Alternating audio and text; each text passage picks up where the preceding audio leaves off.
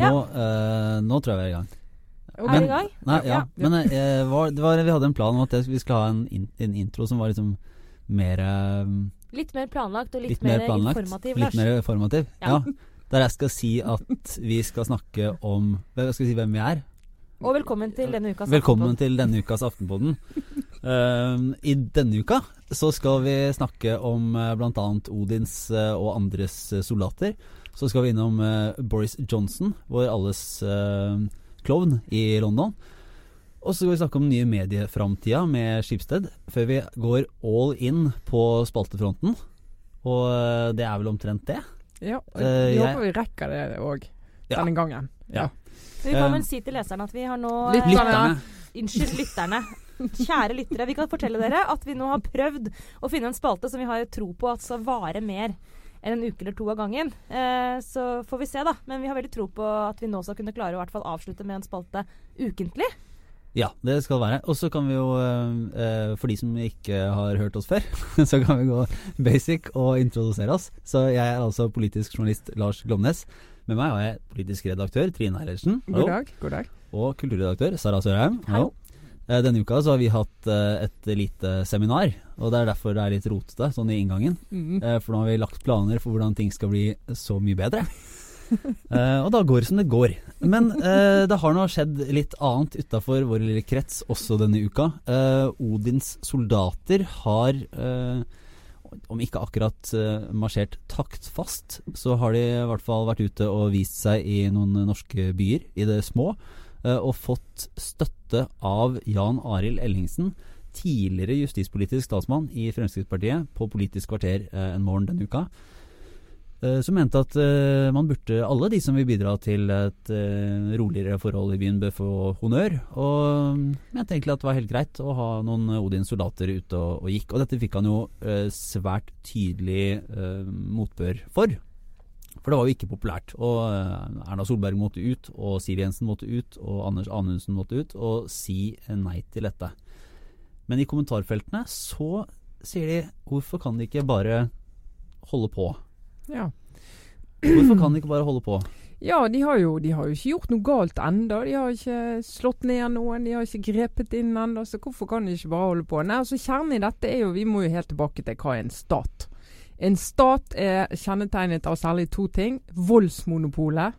Det er kun staten eh, som har monopol på å bruke makt overfor innbyggerne. Eh, og alle vi innbyggerne vi avgir myndighet til å bruke makt overfor andre til staten, mot at staten passer på oss.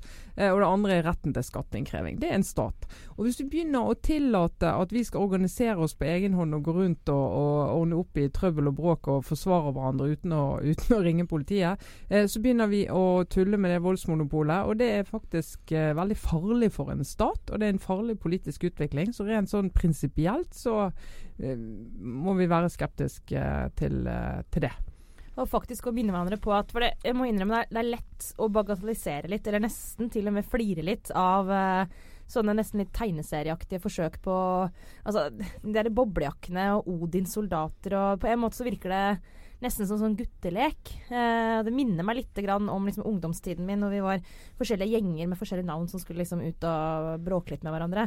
Altså, det er noe sånn grunnleggende eh, teit med hele opplegget. Eh, men, så, men så må man minne seg på at eh, borgervernsgrupper er faktisk bare helt sånn at Det kan vi ikke tåle. Og det må, bare, det må man bare liksom stoppe. Og i lys av det Trine er inne på nå, så er det faktisk et ganske sånn alvorlig brudd på noen av de grunnleggende prinsippene vi har. Og at stortingspolitikere ikke ser det. Det er også sånn eh, Det er faktisk utrolig kritikkverdig.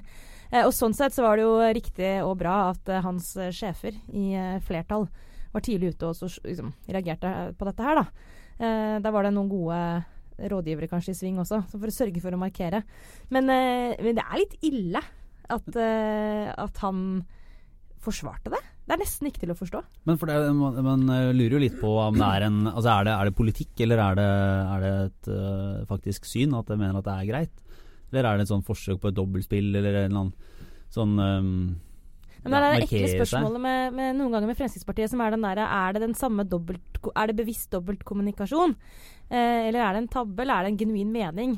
Eh, syns ikke det er så lett å se, men jeg tenker det da ingen Det kan jo ikke være et bevisst strategisk spill uh, å gå ut og, og skape splid om dette. Altså, det, det går ikke an å sitte i regjering og mene at eh, Norge trenger borgervern, privat borgervern. For da har du jo som regjering og justisminister har du mislykkes i hovedoppdraget overfor borgerne, hvis du syns at det er rimelig.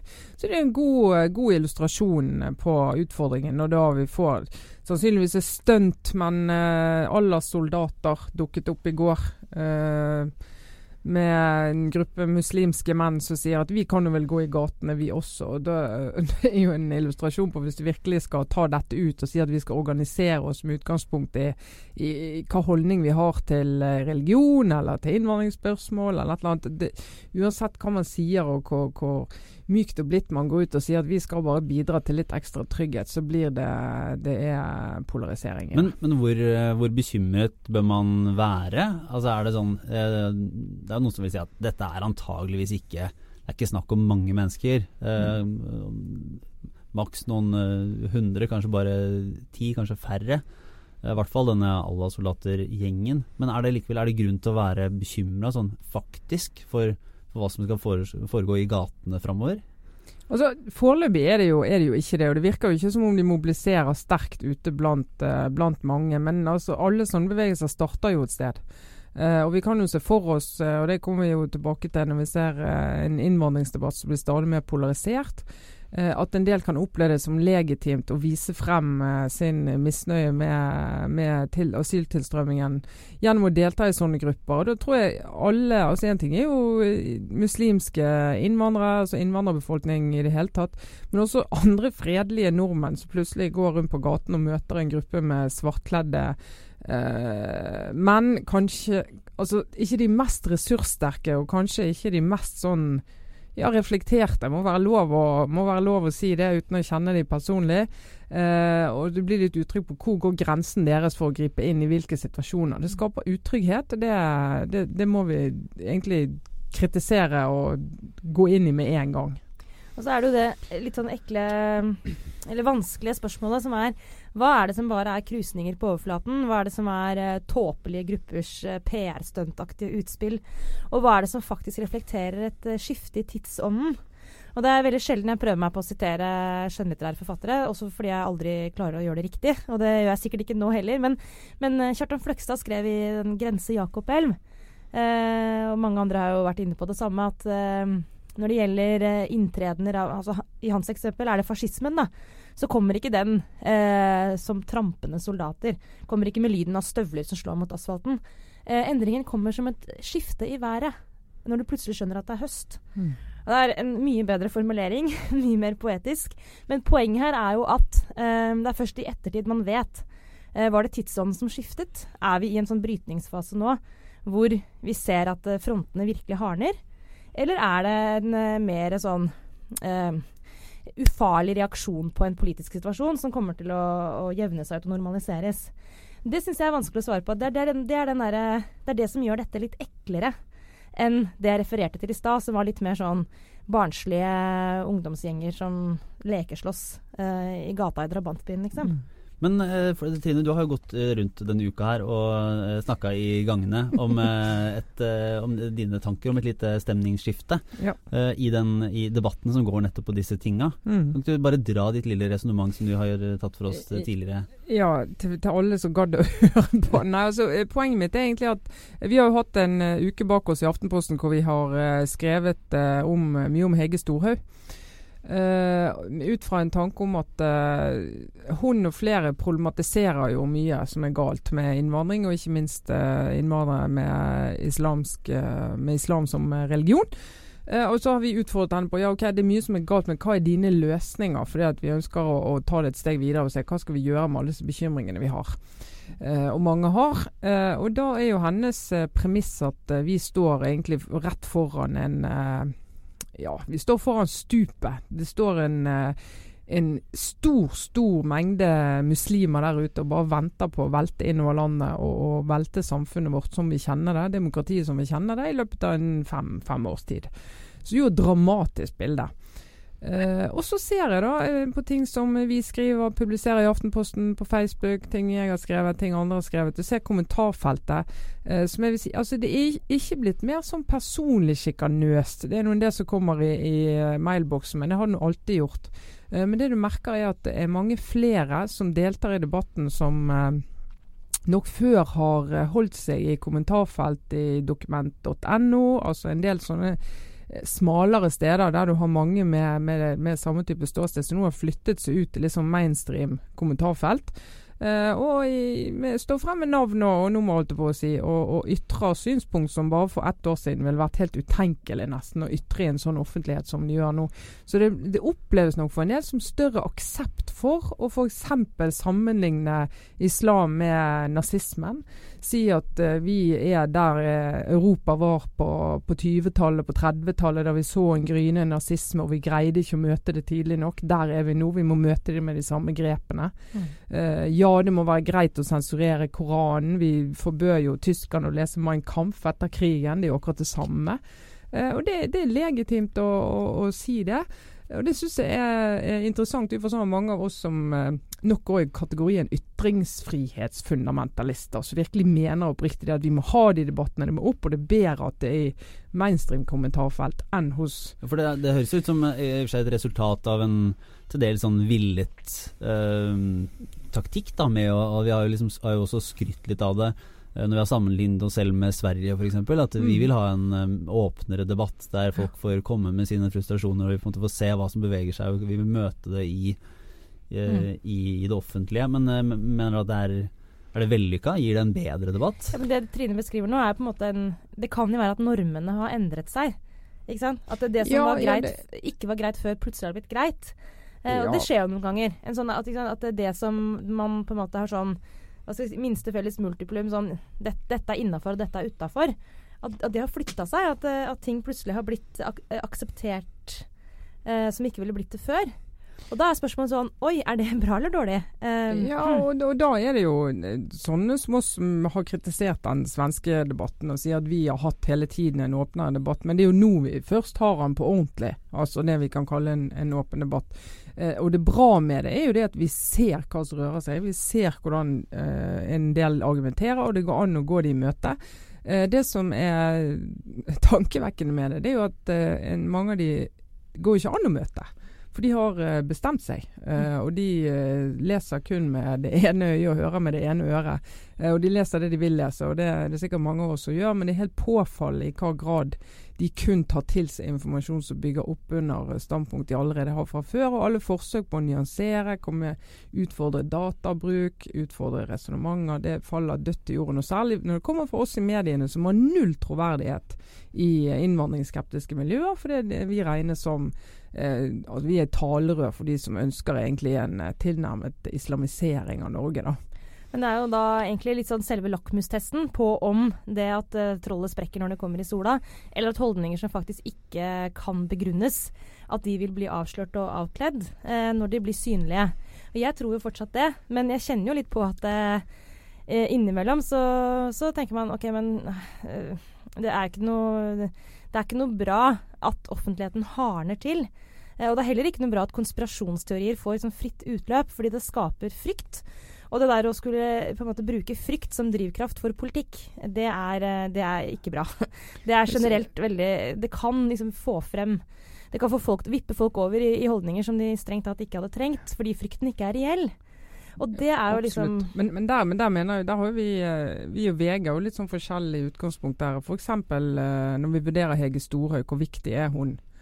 Eh, som premissleverandør i debatten. Og vi mener jo altså Hun selger kanskje den mest solgte sakprosaboken i Norge i år. Og jeg ser at den blir det er nesten ikke, Jeg får e-post hver eneste dag som refererer til den som en slags oppslagsverk for hvordan det kommer til å gå med Europa og Norge i løpet av de nærmeste årene, og at ikke vi tar det med på alvor.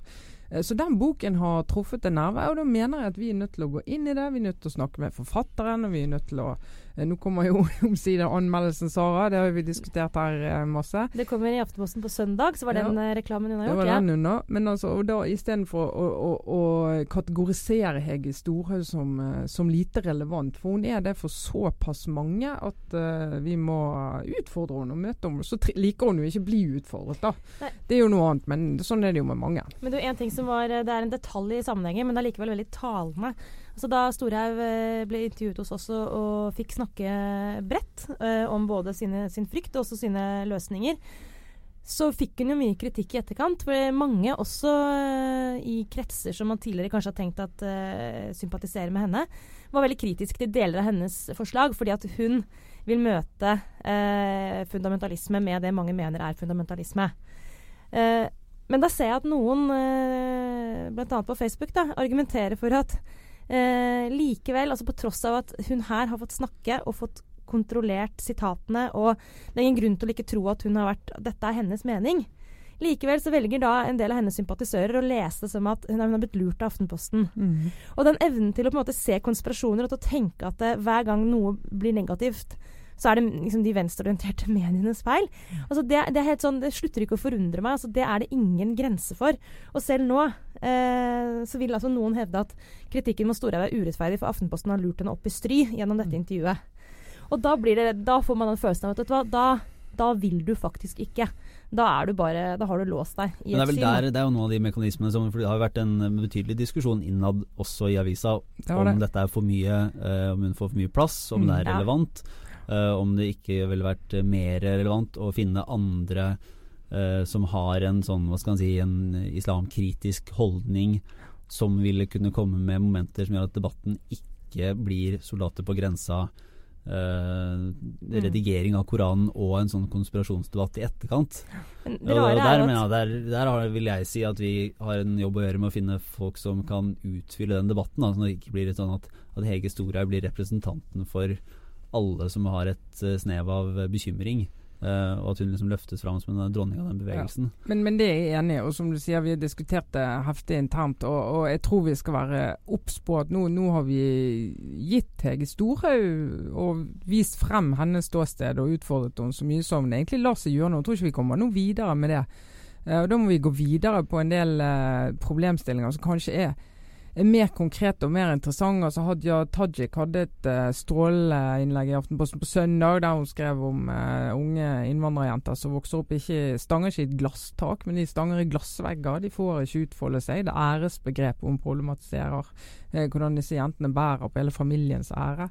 Eh, og det er jo ting som vi absolutt bør følge opp og, og diskutere. Men, men når vi skal snakke om liksom selve asyltilstrømmingen i Europa, og hvordan vi skal løse det, så tror jeg vi må, ja, vi må ut av Norge for å finne, finne svar på det. Men uh, og ut av Norge skal vi, Sara Sørheim. For en nydelig overgang, Lars. Ja.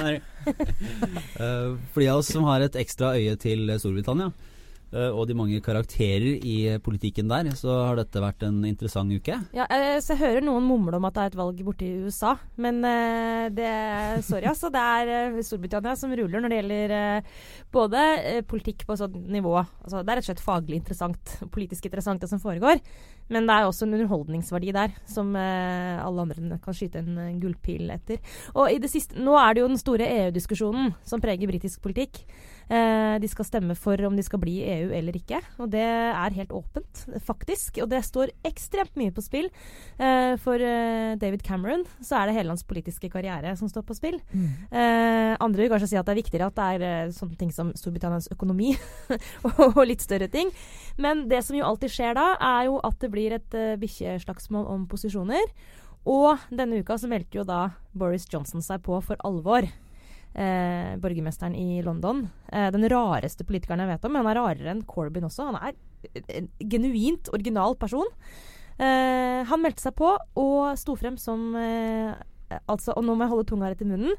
Han støtter ja-bevegelsen, men Ja, betyr det- altså de som er for å melde seg ut. Ja, Det er litt komplisert når man skal, eh, skal forholde seg til det der, for det er litt motsatt av den norske EU-debatten. Ja, alt er ellers- motsatt. Som det, ja, som det ellers er litt lett å, å, å koble det med, fordi du har mange, mange like syn. Ja, for det første så er da ja i Storbritannia betyr altså nei til EU. Mm. Det er den ene tingen. Og den andre rare tingen er jo at eh, de politiske skillelinjene følger jo ikke høyre-venstre-aksen på samme måte. Altså, I Norge så er jo EU-kampen eh, fortsatt en sånn den ene saken som skiller deg. Altså Fortsatt er det sånn at hvis du er eh, Hva stemte du i 94? Det preger deg som hvor er det du står politisk. eh, i, i, og venstresida. Unntatt i Arbeiderpartiet. Der er alle.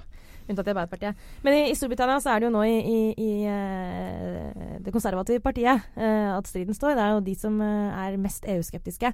Labour har jo klart å holde seg sånn mer eller mindre eh, på da nei-siden. Altså, de vil fortsatt være med. Eh, selv om eh, mange spekulerer i at Corbyn, partilederen, eh, inni seg er virkelig sånn håper og ber om at det skal bli et eh, nei til EU-resultat. Det vil Men, i så eh, fall være ett av få eh, måte upopulære standpunkter han ikke har tatt. da. Ja. Altså hvis han klarer å holde inne med at han er, egentlig vil ha, ha, ha Storbritannia ut av EU, så har han jo de fleste andre sånne som blir sett på som litt rare standpunkter, har han jo utpassionert med Men han har klart å holde seg foreløpig. da. Altså, han skjønner nå, han, har, han kan ikke ta sjansen på Hvis han står frem som EU-skeptiker nå, så rakner hele rakner det. Mm. Så han klarer å holde seg på matta. Men eh, som eh, Nick Cohen, som jo eh, er en populær Aftenpodden-kommentator, eh, skrev, så han, han gjør det med samme entusiasme altså når han forsvarer EU-prosjektet. da. Han gjør det med samme entusiasme som en person som har blitt eh, bedt om å jobbe på fridagen sin mot sin vilje, men som bare gjør det fordi sjefen har sagt det. ja, Så dette har jeg mora meg med. Og Boris Johnson, dere, skal vi snakke litt om han, eller? Hvordan er eh, Ja, altså, vi kan jo, altså Denne avstemningen er jo i juni, sånn cirka sankthans er det vel. Så det blir jo noen måneder med, med heftig valgkamp. Og de ventet jo veldig på Boris Johnson og lurte på hvor han skulle lande henne. Og han landet jo ikke før eh, David Cameron kom tilbake fra Brussel med en slags avtale som han hadde forhandlet seg frem til med EU, som skulle gi eh, litt eh, eh, handlingsrom for, for Storbritannia som de andre ikke har, og dermed har du det gående. Men det, men det dette jo er, i tillegg til at det er gøy med Boris Johnson, er jo virkelig sånn skjebnevåren for EU. da, Men Ja. det kan vi komme tilbake til. Og trekke Frank Rossavik inn i studio ved neste anledning og snakke litt om det. Men Ja, Boris for Johnson sånn- er jo en, uh, en sånn um, Han er jo en ordentlig maktpolitiker bak et sånn uh, kosete ytre. Det var en sak denne uken i Aftenposten som viste jeg tror det var noen og 40 bilder uh, der Boris Johnson er i de mest utrolige situasjoner, fordi han er en veldig sånn lite selvhøytidelig mann. I hvert fall gir han uttrykk for det. Eh, men nå er det jo noen virkelig eh, skarpe kommentarer rundt om i eh, kommentariatet i, i Storbritannia. Ja, altså, han levnes jo ikke mye Han levnes ikke mye ære nå. Eh, Jeg nevnte Nick Cohen. Han eh, skriver i Spectator eh, en kommentar med følgende tittel Boris Johnson, 'Everything about you is phony'. Og det han skriver der, er jo i kortversjon at uh, alle politikere er drevet av maktbegjær til en viss grad. Og du ser alle toppolitikere er egentlig drevet også av ønsket om å faktisk komme i posisjon. Uh, og det, det er på en måte litt sånn politikken er. Men de fleste har også et håp om at det, og kanskje de til og med kan forandre samfunnet i en positiv retning i tillegg. Og som vi snakket om, altså selv, selv Trond Giske er nok sosialdemokrat. I tillegg til at han syns det er fint å ha makt. Eh, men, men Covens poeng er at eh, Boris Johnson han gir fullstendig F i alt annet. Det eneste han er opptatt av, er Boris Johnson. Og at hans eh, standpunkt nå eh, kun handler om hvis eh, Cameron taper dette valget, så er hans karriere over. Han ryker som eh, statsminister.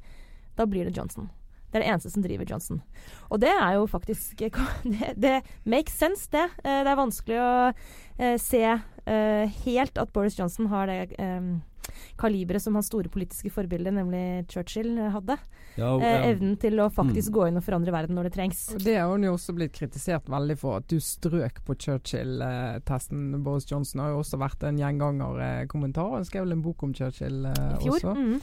Eh, Så han har jo eh, plassert seg et sted, men det er jo egentlig ikke et så veldig farlig sted for han å være. For eh, i hvert fall en del av de analysene sier jo at selv om David Cameron skulle vinne denne sitt livs politiske kamp, som jeg ikke tror han hadde tenkt det skulle bli, da, en litt sånn halvmotivert varslet rundt forrige valgkamp at det er klart vi skal ha folkeavstemning. Skjønner at mye sånn UKIP kom eh, seile på en eh, litt sånn nasjonalistisk bølge. Eh, de må svare på det og si vi kan godt stemme over EU, vi også når det da virkelig kommer til realitetene. Men Eh, kunne, kunne det det- vært sånn Det er jo helt ekstrem situasjon, eh, virker det som, i Storbritannia. Når, når hele kabinettet, altså de forskjellige statsrådene, går ut og eh, må si ja eller nei, og du deler hele, deler hele regjeringen. regjeringen. Mm. Altså, kunne vi hatt det i Norge? Var det sånn i den der EU-kampen i, i Norge i sin tid? Ja, Da var det jo Arbeiderpartiet som satt i regjering, og de hadde jo den, disse her eh, sosialdemokratene mot EU inne, inni seg. Men, uh, så de håndterte det jo, men det er jo Det var langt fra det type frislipp. Altså Partipisken hadde fortsatt en funksjon. ja, Det var det krevende å drive valgkamp. da, Så sier jo liksom alle de konservative politikerne at dette skal bli ryddig, og vi skal ikke drive med ufine metoder og yeah right. Ja, det, det vet jo alle at når det virkelig, og særlig når det handler om EU, så eh, forsvinner jo alle de eh, ambisjonene ganske raskt. Og så må vi huske på det, og det er sånn er det jo i de beste dramaer, det vet man jo fra kunst- og kulturverden også, at eh, liksom personkonflikter med høyt konfliktnivå, da, virkelig arge personkonflikter, mot et bakteppe av sånn enormt drama. Det er liksom krig og fred, eller det er uh, store klassiske verk. Uh, nå ser vi da den spisseste personkonflikten siden, i hvert fall siden Blair og, og Brown, uh, men egentlig verre enn det òg, altså Johnson og Cameron, mot da et bakteppe av et EU og et Europa i krise. Det går ikke an egentlig å ikke se det på den måten. En ting er flyktningsituasjonen, eh, noe annet er um, Russland, som faktisk begynner å bli en reell trussel eh, for, for Europa. Eh, du har fremvekst av eh, ganske ekstreme partier eh, rundt omkring. I det hele tatt, Og det der at, at, at det er akkurat nå at det faktisk vi risikerer at Storbritannia melder seg ut i denne fasen, det tenker jeg det, er en, det må vi komme tilbake til. Det er utrolig mye som står på spill. Eh, og det Ja. Det jeg bare kjenner sånn Jeg bare lurer på hvordan det går. Det er, det er fint, for nå er det nok en sånn vakker liten eh, bro i dette Wow. programmet Art, som perfekt uh, tima og helt sikkert eh, planlagt. Eh, den elendighetsbeskrivelsen er jo eh, noe i nærheten av norsk mediebransje.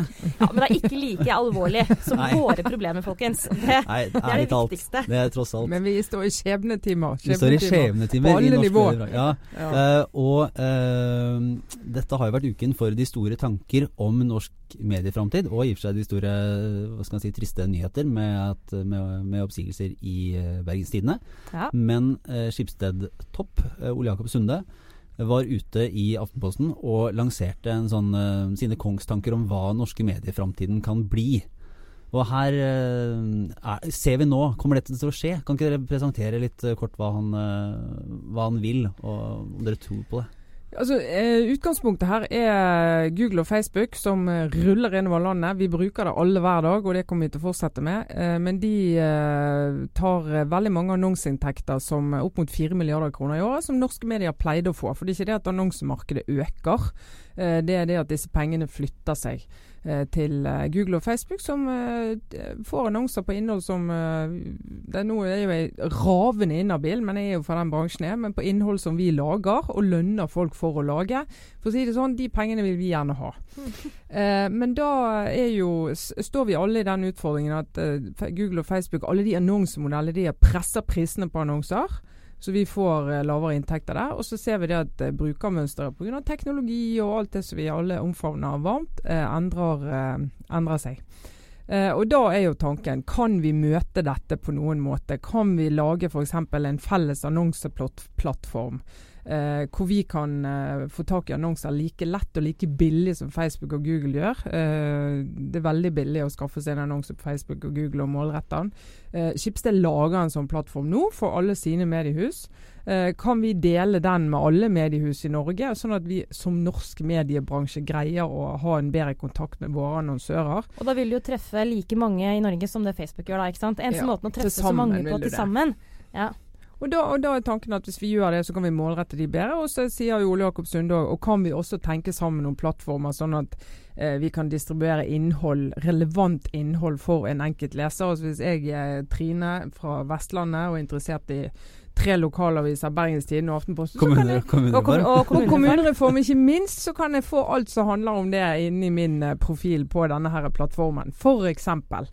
Dette Eh, ligner jo det som har vært omtalt som en sånn Spotify-modell uh, for nyheter, der man Mm. betaler en månedspris, uh, og så får man, kan man liksom velge fritt fra alle aviser. og Det er liksom det har vært omtalt som en sånn drømmescenario hos mange. Mm. Mm. Men det som er liksom en game changer, grunnen til at vi er opptatt av det denne uka her, er at plutselig nå så har det, har det blitt en sånn enighet, og eller man har innsett at vi må bare gjøre ting på en helt annen måte. Det var helt, helt utenkelig for eh, så kort tid som et år siden eh, at man skulle se for seg at alle norske medier skulle på en måte ikke slutte å konkurrere mot hverandre, men, men å velge å stå skulder ved skulder fordi man innså at det var tross alt konkurren konkurransen utenfra som var den reelle fienden. Ja, Nå snakker jeg litt vel fine bilder her, men, men det er jo sånn.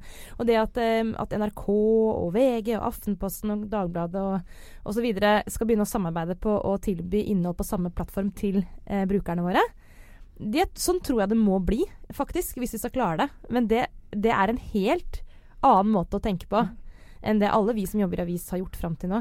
Og det sitter langt inne å skulle liksom ikke tenke at vår viktigste konkurrent er VG. Det er jo det vi har vokst opp med. Ja, og, det, og, det, og jeg tror på innholdssiden kommer det til å være det, men jeg tror vi kommer til å bli tvunget til å tenke ok, innhold, selvstendige, uavhengige mediehus, helt avgjørende for å få godt innhold. Konkurranse om de store sakene, at vi får sett de fra flere sider, og at ideene utvikles fra forskjellige journalistiske miljøer. Men så er det mye annet rundt det, så jeg tror vi er nødt til å være mye mer sånn ja, Det er en del hellige kyr som må, må slaktes, og vi er nødt til å tenke at eh, skal vi få dette til. Det, altså, det som skjer i, i BT nå, med den illustrasjon på at du kan utvikle kvalitetsjournalistikk eh, bedre enn de aller fleste mediehus i Norge, og det holder ikke. Det holder ikke å lage god journalistikk. Det er mye mer krevende å få dette til å bære seg økonomisk, og kunne faktisk lønne de som skal lage den journalistikken, som BT da ikke klarer å gjøre akkurat nå. Men det det står og faller på, Trine, det er jo det du er inne på nå. At man klarer å opprettholde Altså, man kan samarbeide om alt. Men eh, det, siste, det man må ha, er jo selvstendige redaksjonelle miljøer. Eh, som produserer eh, innhold. Unikt Eh, innhold og- Unikt innhold, og det må være mange nok.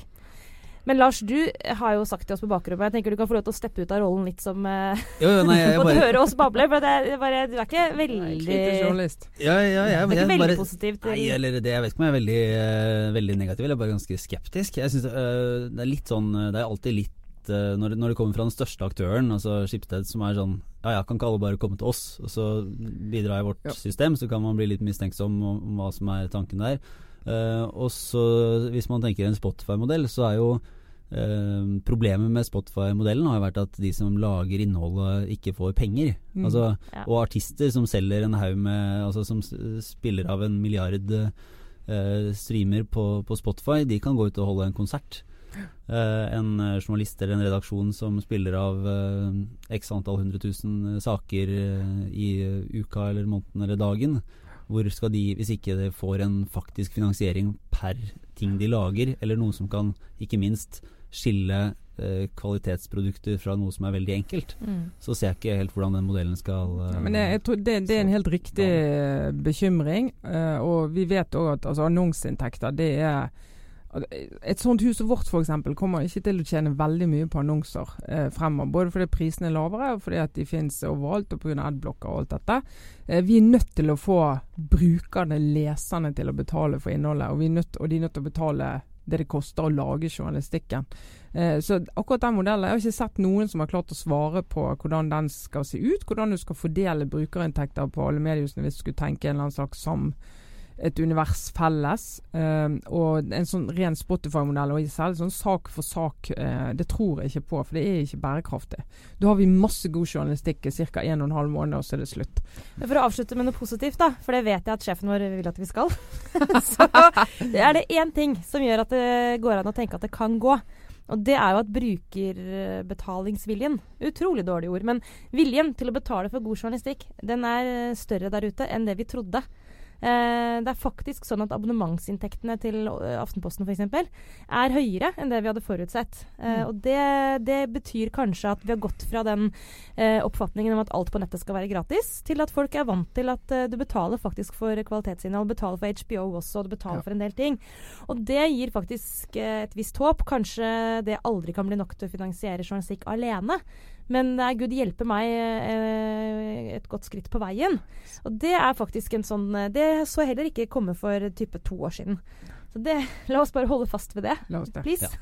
Og så har vi en Vi har først en god gammel vår favorittspalte, Ja. der du har et bidrag Ja, det- uken, Tine, ja, det til gode, men ubekreftede rykter. Gode, men ubekreftede rykter, det setter vi jo pris på. Og Vi Nylig avgått statssekretær Gøran Kalmyr fra Justisdepartementet, han var en eh, dyktig statssekretær eh, og reiste rundt på masse internasjonale møter om flyktninger i fjor.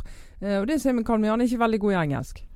Nei, og det er det mange norske politikere som ikke altså, er. er men nå kom vi jo inn i justissektoren, ble plutselig den veldig internasjonal. Så det var jo Men da eh, Og han eh, tok ikke veldig mye regi i form av punkter han ble bedt om å, å lese opp. Han eh, stuntet og var god til det. God til det. Eh, og når han ikke hadde ord, så bare oversatte han eh, rett fra norsk til engelsk. Og kalte altså konsekvent Middelhavet for ikke The Mediterranean, men The Middle Ocean. Og det syns jeg er eh, fint. At vi går rett på. Og nærområdene det ble, ble the closed areas. Og det syns jeg er gøy. Og med internasjonale møter hvor da de andre på møtet bare satt der og skjønte ingenting. Ja, de, de, fikk, de spurte litt, men eh, de fikk noe svar. Så det gikk, går jo bra. Det går jo bra, og det innholdet, så lenge innholdet holder, så trenger du ikke være perfekt i engelsk når du er norsk politiker. Det, gøy. men det der er en, det er en lang og festlig rekke av eh, norske politikere som har bare hevet seg over eh, språkbarrierer. Det orker jeg ikke å bruke tid på. Nei. Jeg bare finner den enkleste veien til målet. Ja. Jeg syns han skal ha en, eh, en takk for det på vei ut av, eh, av rollen som statssekretær. Og så har vi eh, tenkt til å, å lansere en ny liten eh, spalte som vi er ganske sikre på at vi kan holde på. Eh, rett og slett fordi vi har delvis stjålet den fra den amerikanske eh, podkasten Slate Political Gabfest, og så gjør vi den litt norsk. Eh, så vi introduserer en sånn helgesnakk. Ja. Eh, for hva er det man da skal, hvilke temaer og hva er det man skal ta opp i, i helgen som kommer, og hva er det man vil imponere med i selskapslivet? Ja, altså, det her er jo vår Høygravid skal sette deg rundt eh, middagsbordet nå. Ja, drikke eplejus? Sara. Ja, jeg er dessverre havnet i den situasjonen at jeg ikke kan eh, nyte alkohol. Det betyr at jeg må gjøre ekstra innsats i alle sosiale sammenhenger for å more meg selv, først og fremst.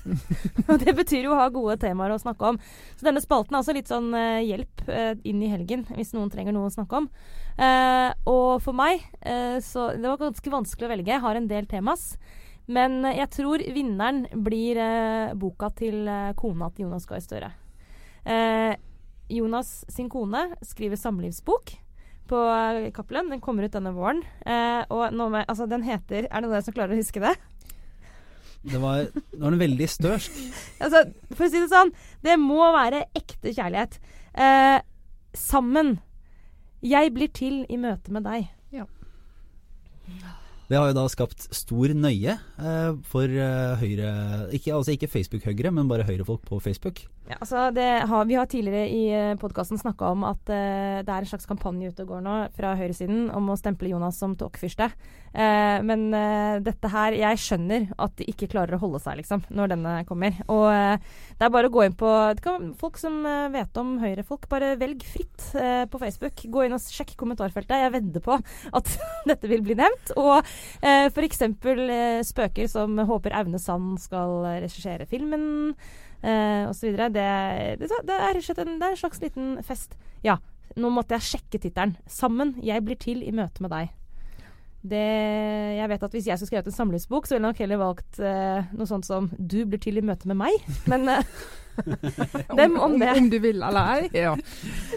Men eh, du skal på hyttetur, Tine? Trine? Jeg skal på eh, hyttetur, og der eh, skal jeg helt sikkert eh, eh, snakke om uh, at jeg ikke klarer å smøre ski. Men uh, det jeg har lyst til å anbefale, da, det er i Washington Post. Der er det en eh, slags blogg eller et nyhetsbrev som heter The Fix.